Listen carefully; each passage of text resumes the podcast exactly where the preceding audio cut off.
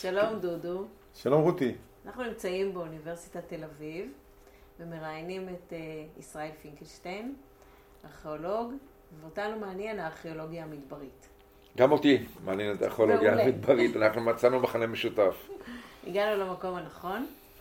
אה, אולי נתחיל באמת בשאלה, היום יש אנשים שחיים במדבר, בארץ, אבל בעבר, תוכל לספר לנו מה קרה? קודם כל צריך לומר שהמדבר שלנו הוא לא מדבר אה, שנטול אפשרות לחיי אדם.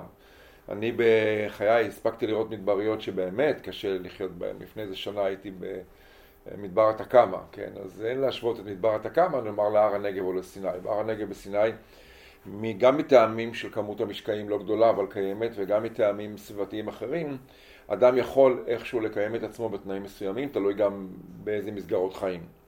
עכשיו עדיין השאלה מדוע הולכים למדבר, ועל כך באמת החוקרים שעסקו בשאלות ההיסטוריות אה, התלבטו במשך השנים, והיו כמה קווי מחשבה. המחשבה האחת הייתה שבארץ הנושבת האוכלוסייה הלכה וגדלה, עד כדי כך שהייתה רוויה מסוימת בהתיישבות, ולכן חיפשו נישות אקולוגיות חדשות שאפשר להתפשט עליהן. זאת מחשבה ישנה בשנים האחרונות, הייתי אומר ב-25 השנים האחרונות, ברור לנו לחלוטין שהתמונה שאנחנו רואים היום של ארץ ישראל רוויה, או סביבתה רוויה באוכלוסייה, היא לא התמונה ההיסטורית, ולא הייתה תקופה בתקופות ההיסטוריות, אפילו לא בתקופה הביזנטית, לפי דעתי, שאפשר להגדיר אותה כתקופה של רוויה דמוגרפית, שאנשים זולגים אל המדבר. אז אם כך, למה הלכו אל המדבר? אז אפשר לומר שהיו שינויי אקלימים, הם היו במשמעות כזאת שהם אפשרו בקלות להתיישב במדבר ולנצל את המשאבים של המדבר, שאולי הם קצת אה, שונים ממשאבי הארץ הירוקה ויש לזה יתרון כלכלי. זה, זו דעה שהולכת מהספר של הנטינגטון בתחילת המאה ה-20, זה כבר למעלה ממאה שנה על השולחן. והתשובה שלי היא מורכבת לעניין הזה, זה כן ולא.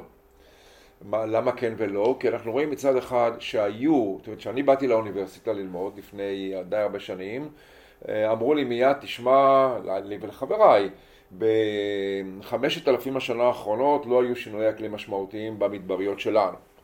ואנחנו יודעים היום שזה לא נכון. כלומר, היו שינויי אקלים, ודווקא כשהיו, הם היו יותר משמעותיים באזורי המדבר. משום שיש הבדל בין להוריד את תל אביב מ-550-600 מילימטר ל-500, אה, לבין זה, לבין להוריד את אמ"ן או את דמשק מ-300 ל-250, נגיד כספר מדבר, או לחילופין את אה, האזורים הדרומיים של ארץ ישראל, מעזה דרומה, באר שבע ודרומה. אז אין ספק שהיו שינויים והם היו משמעותיים, אבל אנחנו לא כל כך רואים, אני לא כל כך רואה, נגיד להר הנגב כשמדברים, אני לא כל כך רואה קורלציה בין התקופות שבהן, זה אפילו משמעותי, בין תקופות שאנחנו יודעים היום בצורה די ודאית ממחקרי פולן ואחרים, שהיו בהם שינוי אקלים, לבין אה, נגיד התמעטות או אה, התפשטות של התופעה היישובית. מה שהיה, מצפה לראות, הייתם מצפים לראות. לא רואים את זה. אה, ולכן ספק בעיניי אם האקלים הוא מהווה מרכיב מרכזי בתנאים של ארץ ישראל. לעומת זה המדבריות של ארץ ישראל יש להם יתרונות אחרים. הם קודם כל נמצאים על דרכי הסחר, בעיקר הסחר הערבי. אבל אה, למעשה לא רק. ולמשל פריחה של סחר שמכוונת על ידי אימפריה יכולה ללא ספק להזרים משאבים אל המדבר כדי לפתח את החיים, כדי לקדם את האינטרסים של מי שמתעניין בתוצרת ובמוצרים שבאים מרחוק. או לחילופין התוצרת של המדבר, אם ניקח את אה, הר הנגב, אז לפי דעתי, לתקופות שאני מתעסק איתן, כלומר הברונזה והברזל, מרכיב מאוד מאוד מאוד משמעותי, חוץ מדרכי הסחר, הוא עניין הנחושת. כלומר, המשאבים של הנחושת בערבה, אה, הקדמונים ידעו עליהם, אה, הם ידעו כמובן שיש נחושת גם במקומות אחרים, היו תקופות שהיה קל יותר להביא נחושת ממקומות אחרים, בראש ובראשונה מקפריסין, דרך הים, אבל בתקופות שבהן השתבש משהו בדרכי הסחר של הים, הלכו אל הערבה. והפקת נחושת בערבה הייתה, לפי דעתי, גם בתקופת הברונזה. אה, נגיד החל ממה, האלף השלישי לפני הספירה. ברונזה קדומה שלוש, ברונזה ביניימית. ואחר כך, לאחר מכן, מסוף תקופת הברונזה המאוחרת ואל תוך תקופת הברזל, הדבר הזה היה מרכיב מרכזי בתהליכים יישוביים במדבר. עכשיו צריך לפתוח כאן סוגריים ולומר כך, הרי לא אתם ולא אני לא חושבים שהיו תקופות של וויד במדבר, שלא חיו בה אנשים. כלומר, יש תקופות שיש יותר אנשים והם יותר סדנטריים, ולכן רואים אותם יותר ארכיאולוגית, ויש תקופות שאולי יש פחות אנשים, והם גם לא סדנטריים, אלא בצד הפסטורלי של החיים, של החיים, ולכן הם פתאום מתחילים להתנדף לנו מהעיניים הארכיאולוגיות, יותר קשה לנו להתמודד עם זה ארכיאולוגית. אז, אבל בכל אופן, יש תקופות שהעניינים האלה שדיברתי עליהם, דרכים, השתתפות בסחר, העברת נחושת, הפקת נחושת, הפעילויות האלה גורמות לתהליכים של התיישבות של אוכלוסיות המדבר ולכן רואים אותם יותר. זאת אומרת, אנחנו בעצם ממקדים את זה בסחר. אנחנו מדברים כן, את. סחר מחצבים, כן, סחר מחצבים. אני רואה את זה כך, לפחות בתקופת הברונזה והברזל. אנחנו עבדנו בשנים האחרונות, אה, רותי שחה גרוס ואני וחוקרים אחרים בשיתוף פעולה אה, בנגב, והתחלנו בעבודה על תקופת הברזל, ושם בתקופת הברזל ראינו מיד, במקביל לעבודה של תום לוי ואחרים בחיבת אל-נחס ואתרים אחרים בוודי פנן, ואחר כך אה, ארז בן יוסף בתמנע, אנחנו רואים את הקורלציה בין הפעילות באזורי הנחושת לבין השגשוג בהר הנגב. זה רואים את זה בצורה די ברורה. אני חושב.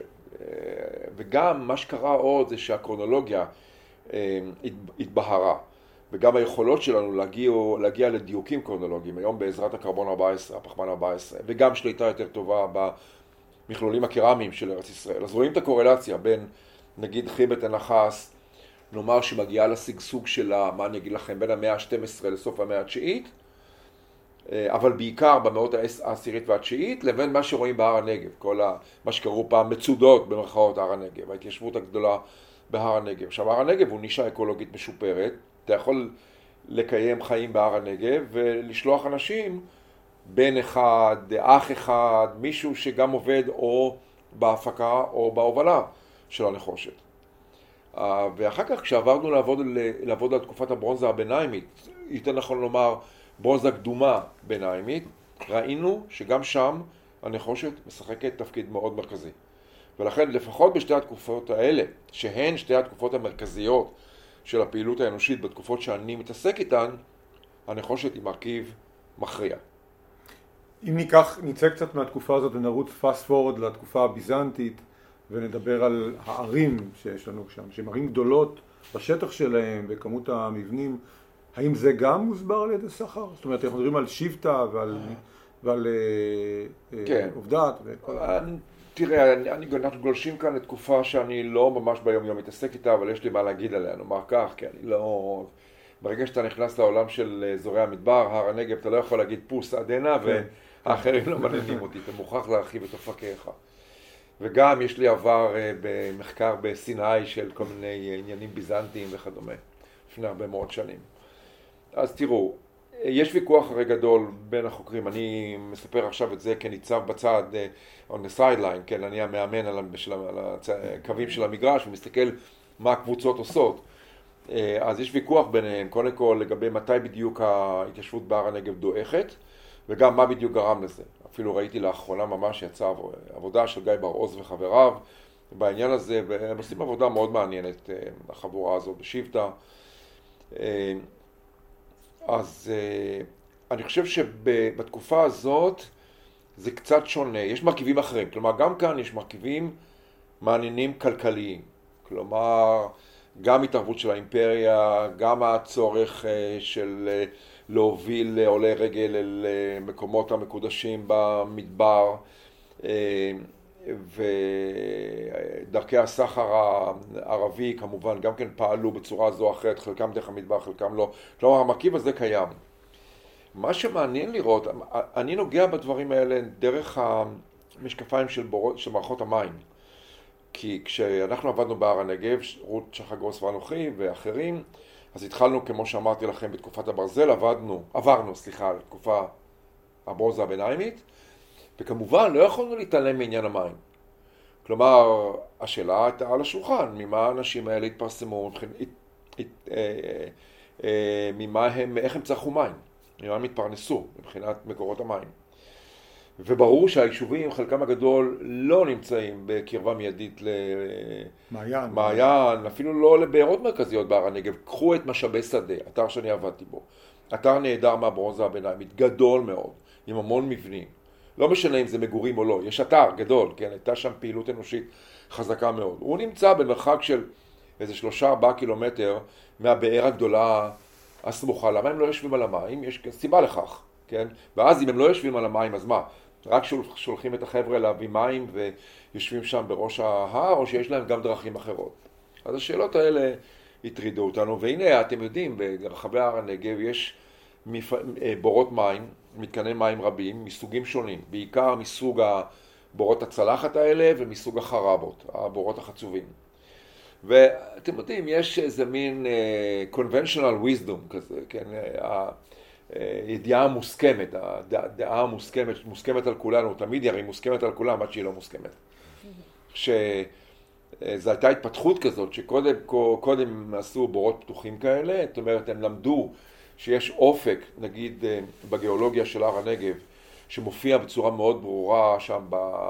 באזור של הקו של הכביש לבורות לוץ, בורות חמד, כן, שיש שם אה, תצורה שאפשר אה, לחפור בה והיא מחזיקה את המים בתנאים מסוימים, ואז פתחו את הצלחות האלה ודיפנו אותם ואגרו מים, ואז באיזשהו שלב הידע הטכנולוגי התפתח והם ידעו כבר גם לחצוב את החרבות שזה יותר מתקדם.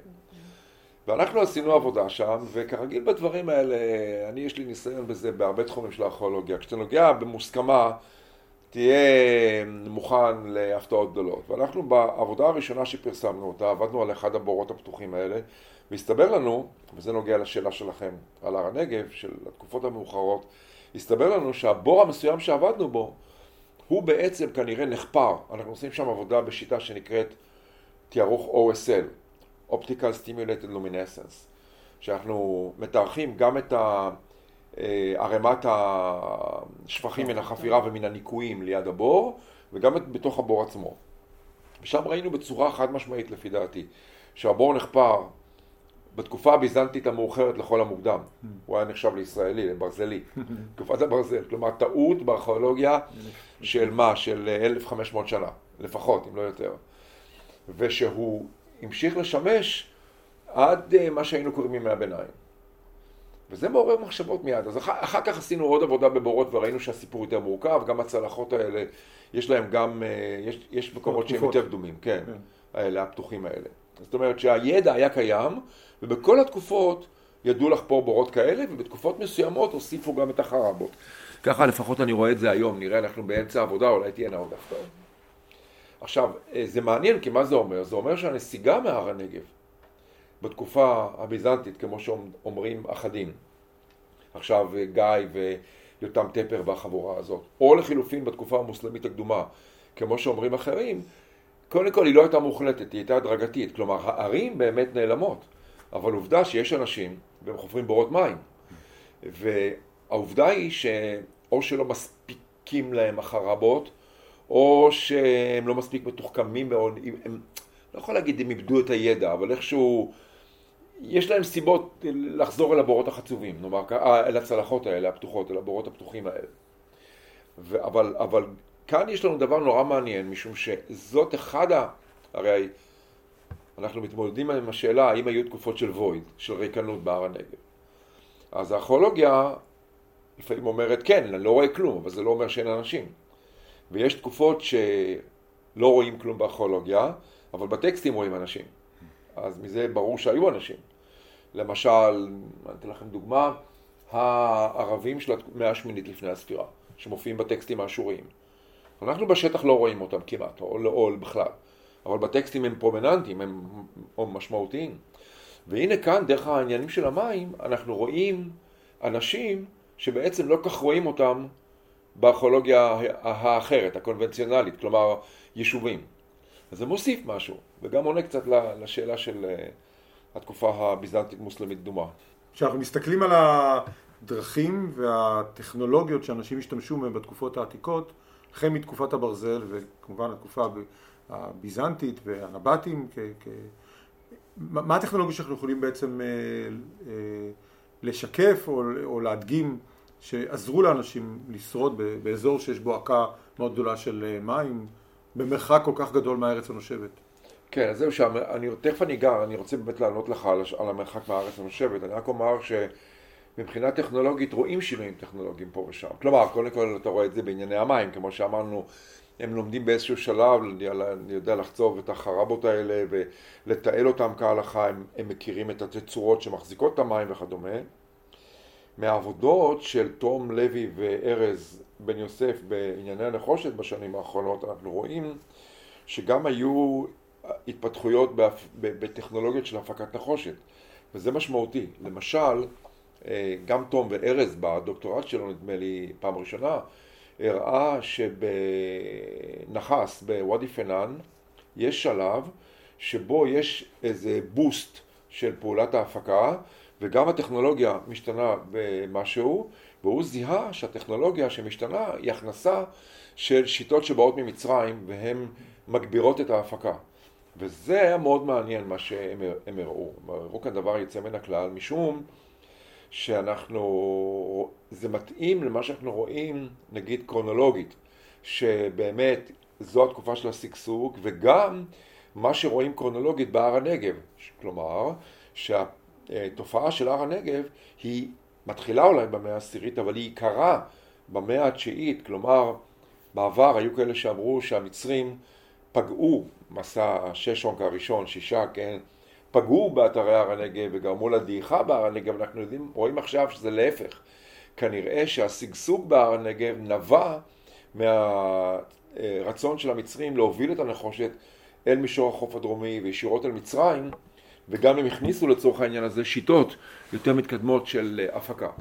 אבל צריך גם לזכור, אני רוצה רגע לחזור ברשותכם לעניין של המרחק מן הארץ הנושבת. לפי דעתי, התופעה של הר הנגב, הר הנגב הוא מדבר שנמצא ממש ב... לנו זה נראה רחוק, אבל הוא בקרבה של האזורים ש... נגיד הם האזורים הירוקים או על גבול האזורים הירוקים, נאמר כך. וזה חשוב לזכור את זה כי, לפי דעתי, בכל התקופות של השגשוג בהר הנגב, כלומר אם ניקח את ה... או כמעט, סליחה, כמעט בכל התקופות, כבר מיד אני רואה אחת שהיא חריגה, אבל בברונזה הקדומה, בתקופת הברזל ובתקופה הביזנטית, כל המערך בהר הנגב נשען בצורה זו או אחרת על אתרים מרכזיים בבקעת באר שבע. כשבקעת באר שבע זה כבר סיפור אחר מבחינת היכולות הכלכליות שלה והקשר אל האזורים הירוקים. יתרה מזו, אני חושב שאם מדברים על איזשהו סוג של פעילות של נוודי המדבר, כי גם כשהאימפריה מתערבת, מה, בא לך אימפריה אשורית, אז מה, הוא מצעיד אה, כל מיני קצינים אשוריים לבוא לחפור שם, לחצוב נחושת? לא, הם יודעים להשתמש בידע המקומי ולהעסיק את הקבוצות המקומיות ולתת גם בוסט כלכלי לקבוצות המקומיות. אז הקבוצות המקומיות האלה, כשהן עובדות תחת אימפריה זה מצב אחד. אם הן עובדות כשהן מנהלות את העניינים וסוחרות עם הסחורות של המדבר, אז הן צריכות איזשהו אה, מרכז שיהיה המרכז האדמיניסטרטיבי, מרכז השלטון, מרכז הסחר. והנוח ביותר עבורם זה להקים אותו, נגיד בבקעת באר שבע, למה? כי אז אתה מספיק קרוב ומספיק רחוק. זה כמו ללכת עם ולהרגיש בלי, או איך שלא אומרים את זה, כן?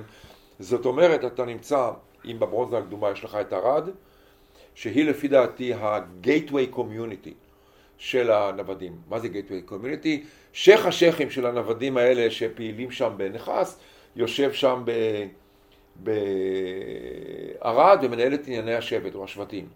הוא הדין במסוס של תקופת הברזל, שאני חושב שזה בדיוק תהליך דומה, של מרכז כזה בבקעת באר שבע, שהכל זורם אליו וממנו הוא מתפזר, זה ה-distribution center כזה, ומזה הוא גם מתעשר והופך יישוב גדול שאין כמוהו בעצם בתקופות האלו בבקעת באר שבע או במקומות אחרים. וגם בתקופה הביזנטית צריך לזכור שבאר שבע הייתה עיר מאוד גדולה וחשובה עם הרבה כנסיות וכדומה.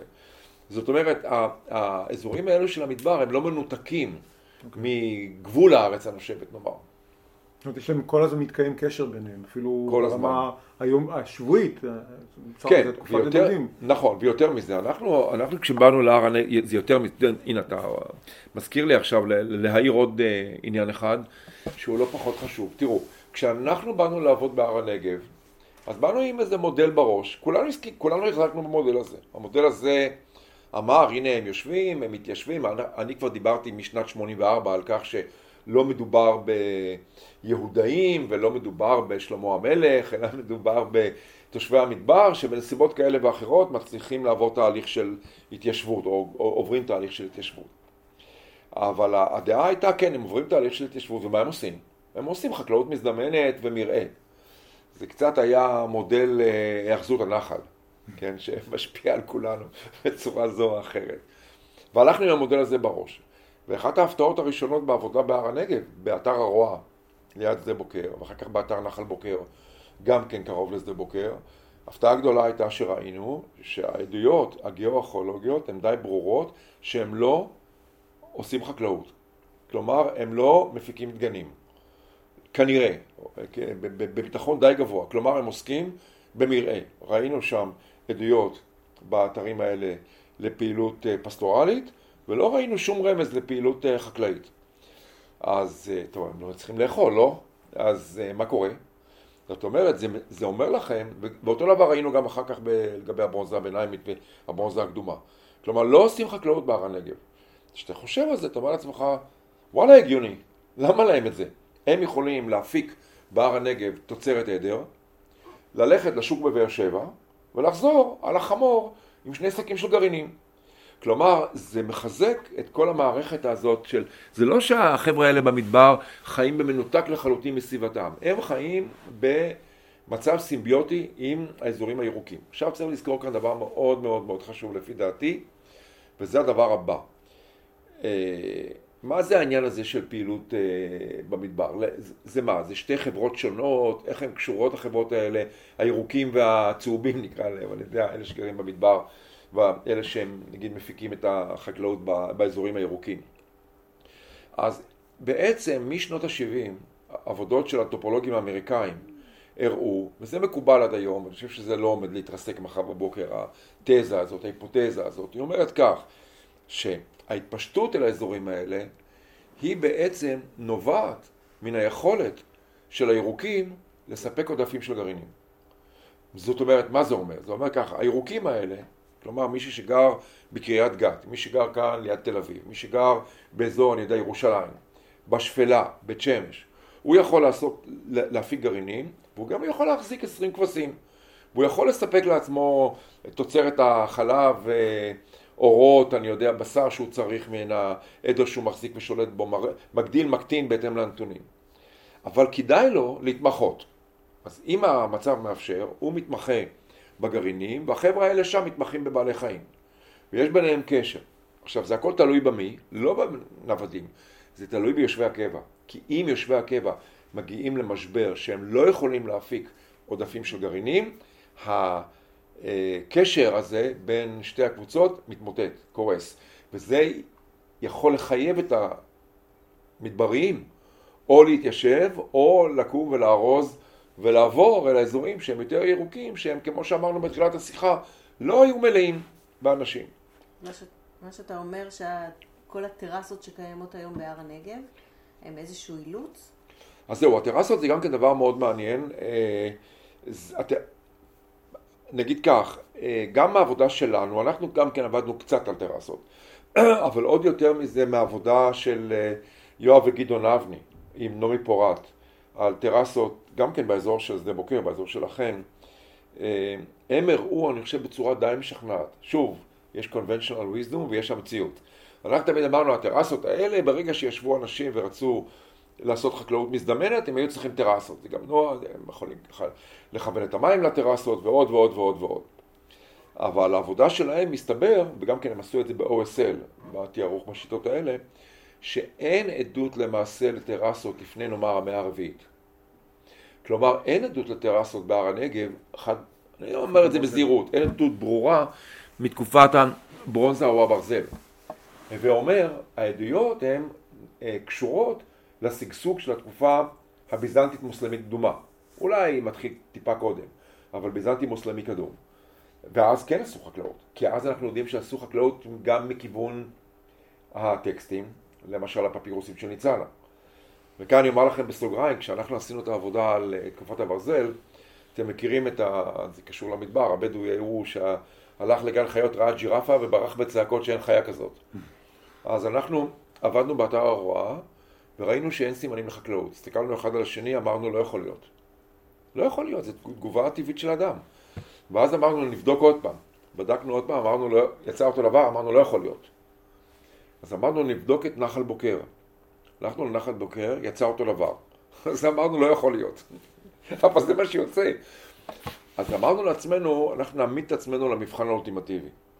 נלך לאתר בסביבה שהוא ביזנטי, ושם נבחון. אם שם לא נראה חקלאות, סימן שאנחנו טועים בשיטה. כי אנחנו יודעים מהטקסטים שהייתה חקלאות, וגם מן הממצאים, אני יודע, כל מיני דברים שקשורים להפקת יין, דברים כאלה. אז הלכנו ל- ל- לעיר האבודה, שם הנחל הקטן הזה מלא טרסות ויישובים, ועבדנו שם, ואין לכם מושג כמה רווח לנו ברגע שראינו שיש שם עדות לחקלאות. כי זה הראה שלא טעינו לגבי תקופת הברזל. אני חוזר טיפה אחורה, אתה בעצם אומר שהמצב של הארץ הנושבת, מבחינת השגשוג שלה, הוא בעצם האינדיקטור להתיישבות במדבר. כי אם הארץ הנושבת לא משגשגת ונמצאת בעקה בעצמה, היכולת שלה לתמוך באזור המדברי הוא נמוך. זאת אומרת, היא לא מסוגלת כן. לתמוך באזורים מדבריים. הארץ הנושבת צריכה כנראה לספק עודפים, עודפים של גרעינים. אה, שזה... זה ברור לחלוטין, אני חושב, לגבי... תראה, תראו, רואים את זה בעוד דברים. למשל, אתן לכם דוגמה. רואים את זה במחקרים הפטרוגרפיים על כלי חרס מנגיד תקופת הברזל מהר הנגב. כי באתרים האלה כמו הרואה, בוקר, חלוקים, עקרב, נחל אלה וכדומה, רואים שיש שם את המכלולים של הכלים המקומיים. אגב, ששם אנחנו עשינו עבודה כאן, מריו מרטין ואנוכי, עשינו גם עבודה והראינו שאחר כך גם נעמה יהלומק, ראינו שם שהם השתמשו בחסמים ראינו בחסמים של הכלים האלה אה, סיגים של נחושת. אז זה היה חד משמעי, ראינו את הקשר לאזורי הנחושת, זה היה נהדר הדבר הזה. אז אה, אה, בכל אופן, הקרמיקה, כשמסתכלים על הקרמיקה הלא מקומית, המיובאת אל הר הנגב, אז רואים, יש מרכיב די משמעותי, ורואים, וזה בא חלק ממנו ממישור החוף הדרומי, זאת אומרת, זה מרמז אולי לכיוון שמשם הגיעו הסחורות, גרעינים, הקשר גם הכלכלי, הוא, מטבע הדברים, הוא הולך אל אזור הבשור, עזה, פחות או יותר מישור החוף הדרומי. אני רגע רוצה, אמרת נחושת, אז לשאול על תמנע. מה באמת קרה שם? מי אלה שעבדו במכרות? אני יכול להגיד לך מי לא. נתחיל ממי לא, זה מאוד קל. לא שלמה המלך. אנחנו כאן, אה, חברי ארז, אה, אני לא יודע, הוא משחק עם העניין הזה של החומר המקראי, על, כביכול על שלמה. האמת היא, אני אומר את זה כי זה חשוב מאוד שהציבור ידע את הדברים האלה, לפי דעתי. אה, תראו, הרי אנחנו כאן חוזרים בעצם לנלסון גליק ולעבודות שהוא עשה בנגב בשנת 38, 9, 40, 41, שם באיזשהו מקום, כלומר לפני 180 שנה. ונלסון גליק הושפע מהתיאורים של שלמה. עכשיו, לא כתוב ששלמה קרא נחושת בתמנע, נכון? אבל יש תיאורים במעשה המקדש, בכלי המקדש, שיש שם הרבה נחושת. אז אה, גליק בא עם התיאוריה הזאת של אה, שלמה כמלך הנחושת. אה, ואומר, הנה תל חוליפה שם בראש מפרץ אילת, זה היה מתקן ההפקה הגדול של הנחושת. והנה יש לנו את ההפקה בתמנע, והוא הלך ונסחף בתיאוריות האלה עד שברגע מסוים הוא קרא, הוא קרא לכל האזור הזה, לתל חליפה ולתמנע, Pittsburgh of Palestine. כלומר, הוא ראה בעיניו, האמריקאי ראה את פיטסבורג העשנה עם התעשייה הכבדה, כן, שעומדת שם. עכשיו, ברבות הימים מסתבר שבתל חליפה אין בכלל עדויות להפקה של נחושת, בתמנע בוודאי שיש. אה, ובתמנע, אה, בהתחלה היה נראה כאילו שההפקה היא יותר מוקדמת מתקופת המאה העשירית, בעקבות העבודות של רוטנברג, אבל ארז עשה, כאן, עשה שם עבודה נהדרת.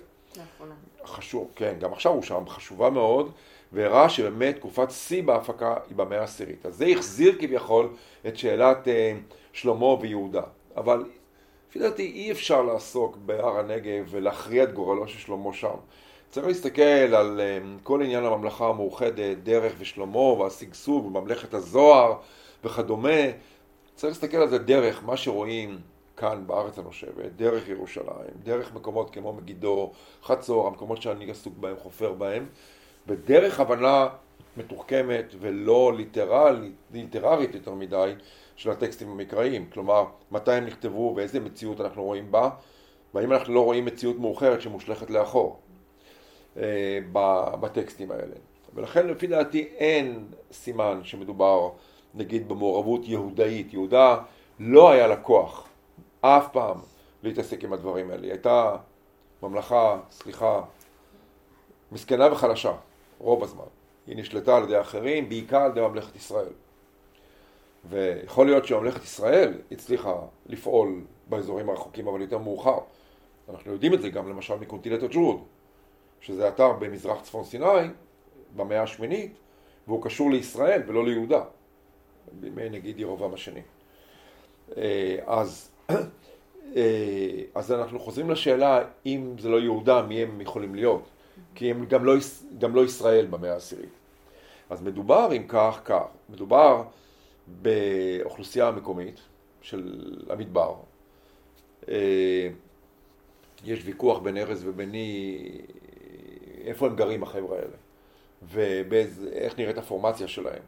לפי דעתי בבמת אדום הם לא גרים, כי שם אנחנו, אני לא רואה אותם ארכיאולוגית בבמת אדום, אז, אבל הם קיימים בשטח באיזשהו מקום, ובשלב מסוים הם מופעלים על ידי המצרים, נאמר עד ימי רמסס השישי או משהו מזה, וכשהמצרים מושכים את ידם מארץ ישראל, או במיידי או עם הפסקה קטנה, הם מתחילים להפיק את הנחושת, כי יש לזה יתרון גדול. ובעצם מה שקרה זה, זה תמיד, תראו, אני רוצה להגיד את זה אחרת. יש שגיאה בארכיאולוגיה של ארץ ישראל חמורה שעוברת כחוט השני בגלל השפעה יתרה של, או בגלל הבנה מוטעה של החומרים המקראיים, בגלל אתנוצנטריות. אנחנו חושבים שאנחנו נכריע את גורל העולם כאן, זה לא נכון לפי דעתי גם לא היום, אבל גם לא בעבר, אה, ואחת השגיאות הנפוצות היא לתלוש את ארץ ישראל מן המרחב שסביבה. אז למשל, לחפש מי החריב את הרי כנען ולהגיד שזה נעשה על ידי הישראלים הקדומים, אני יודע, משהו כזה. אבל מה, גם אוגרית חרבה. אז מה, גם שם הישראלים החריבו. או את ממלכת החיטים, או הם הפילו את קפריסין, מה, מי מומה? זה הרי לא עובד כך. או לחילופין, יש נטייה לומר, הנה ממלכת הזוהר במאה העשירית. רגע, בירושלים, מקום נידח, God forsaken בשולי התרבות, שם, בדמשק, במקומות האלה הייתי מצפה לראות את ממלכת הזוהר. ושם הממלכות הטריטוריאליות לא קמות לפני המאה התשיעית. למה אני מספר את זה? שאסור לתלוש את הארכיאולוגיה של ארץ ישראל בהיסטוריה מן הסביבה היותר גדולה, כי זה נכון גם לגבי ענייני הנחושת. לא נוח להפיק נחושת בערבה ולא כדאי. למה? כי אם אתה מפיק בערבה אתה צריך מיד לארגן לך, אני יודע, 100, 200, 300, 400, 500 חמורים. ואתה צריך להביא עץ בשביל ההפקה. מאיפה אתה מביא את זה? אתה צריך מה, ללכת שם להביא מה, ערערים מהרי אדום, אני יודע, שיטים מכל, מכל המרחב, ממרחק של עשרות רבות של קילומטרים. חום לא נורמלי, אני לא הייתי הולך להיות שם אפילו שעה אם היית שואלת אותי. חס וחלילה, אמרה לי, בתי קפה כאן טובים מאוד באוניברסיטת תל אביב. מה אני אעשה שם? להביא את הנחושת משם. גבעד, לא רוצה. לעומת זה, יש קפריסין, שהיא המקור המרכזי של הנחושת. ושם אתה לוקח, מביא את זה לנמל, מטעין בבת אחת, טוען אונייה גדולה עם אה, אה, נחושת, ומעביר אותה בנמלים של הלבנט. אין קל ופשוט מזה. זאת אומרת, הפקת הנחושת בערבה היא תוצאה של הקריסה של קפריסין. קריסת קפריסין בסוף תקופת הברונזה, למשך פרק זמן, יש הרי, אנחנו, אני לא הראשון שאומר את זה, אני חושב שחברי אקסל קנאוף היה הראשון שהראה את זה, חוקר אה, גרמני שעובד בשוויץ, הוא הראה את זה שיש קורלציה בין פרק הקריסה של קפריסין, שהוא בין המאה ה-12 לאמצע המאה התשיעית, לבין השגשוג בערבה. כלומר, ברגע שהסחר הימי נפגע, אז כדאי ללכת לערבה בכל מחיר ולהפיק בערבה, כי אין את הנחושת מקפריסין. אפילו להביא את הארזים. כן, ואז אפשר אפילו לעשות את המאמצים, ללכת, אני לא יודע, to שלפ, אני לא יודע לאן, להביא את העץ ולקיים את ההפקה בערבה. אבל זה, צריכים לראות את זה בקונטקסט גיאופוליטי. מאוד מעניין. אה, ועוד שאלה ככה, אוקיי, אז יש דרכי הנחושת ויש דרכי הפסמים ויש הרבה מאוד דרכים, ובאיזשהו שלב הכל נפסק. מה גרם להפסקה של כל המשלחות האלה? תראו, הנחושת, כל אחד מהם זה סיפור בפני עצמו. אה, אני חושב שזה קשור, זה גם כן סידורים גיאופוליטיים, זאת אומרת, למשל, כאן אני שוב עובר לתקופה שאני פחות בקיא בה, אבל אני פחות או יותר יודע מה קורה, אני חושב שלמשל הסחר הערבי באיזשהו שלב אה, הלך לפחות גם, אם לא יותר, דרך אה, הים ומצרים. אז ברגע שהוא עקף את האזורים האלה, אז אה, מצאו דרך יותר פשוטה להעביר את, ה, את המטענים האלה, כן, כן. אז שוב, הדברים האלה הם בדרך כלל דברים שבאים, הם, הם תוצאה של תהליכים גיאופוליטיים. ואתה אומר שאנחנו קצת גם בראייה פסטורלית או ראייה אתנוצנטרית, מסתכלים על הכל דרך נקודת ה... אנחנו קרובים לפופיק של עצמנו, אז אנחנו מנסים להסביר הכל דרך, דרך מה שקורה כאן, בארץ שלנו, וזו נטייה טבעית, וגם אני חושב שאנחנו מרכז העולם, אני לא חושב כך, אנחנו מרכז העולם, והמשרד הזה הוא ה-center of the universe. אז זה ברור לחלוטין, זה, אנחנו יוצאים מזה, לא? אבל זה לא כך פשוט. אתה לא ראית את זה במפת מדבר? בדיוק, אז זה לא כך פשוט, ואני רואה את זה מאוד מאוד מאוד חזק, כשזה בא להבין תהליכים גדולים של, למשל, הקריסה של תקופת הברונזה. כן, שצריכים להבין אותה בקונטקסט של מה שקורה לפחות בין, נאמר, יוון, אה. צפון אנטוליה, מזרח אנטוליה, אה, עד אה, מצרים. עכשיו, לפני אה, שנים אחדות כתב חברי רוני אלנבלום מן האוניברסיטה העברית, כתב את הספר הזה, אה, The Collapse of the Eastern Mediterranean, והוא כתב, הוציא את זה בקיימברידג', והוא כתב על המאות ה-10-11 לספירה. והוא בא עם אה, מכשיר רב עוצמה, משום שבמאות העשירית עשרה לספירה יש טקסטים על כל דבר, אבל מה שאתה רואה בין הטקסטים, אז אפשר ללמוד המון מהספר שלו. שמלמד אותנו. בשבילי זה היה אה, באמת אה, משהו שפתח לי את העיניים לכיוונים שלא חשבתי עליהם. למשל, אתן לכם דוגמה על העניין הזה של אה, עניינים של אקלימיים, אבל לא גשם, אלא נגיד cold spells. אה, גלי קור, שהם הרבה יותר מסוכנים ממשקעים. משום שאם גל קור מכה באנטוליה, אז אם יש בעיית משקעים, אומרים, אוקיי, בשאלה הבאה נהיה משהו, איכשהו נציל משהו. בא לך גל קור, הורג את הכל. ואין לך ברירה להתחיל לזוז. אז דוגמה, אבל בין היתר, מה שהיה מעניין לראות מספרו של רוני, אה, היא העובדה שהמשבר האקלימי במאות ה-10 וה-11, הוא הקיף את כל החבלים, כל האזורים שבין איסטנבול, קהיר, בגדד וטהרן.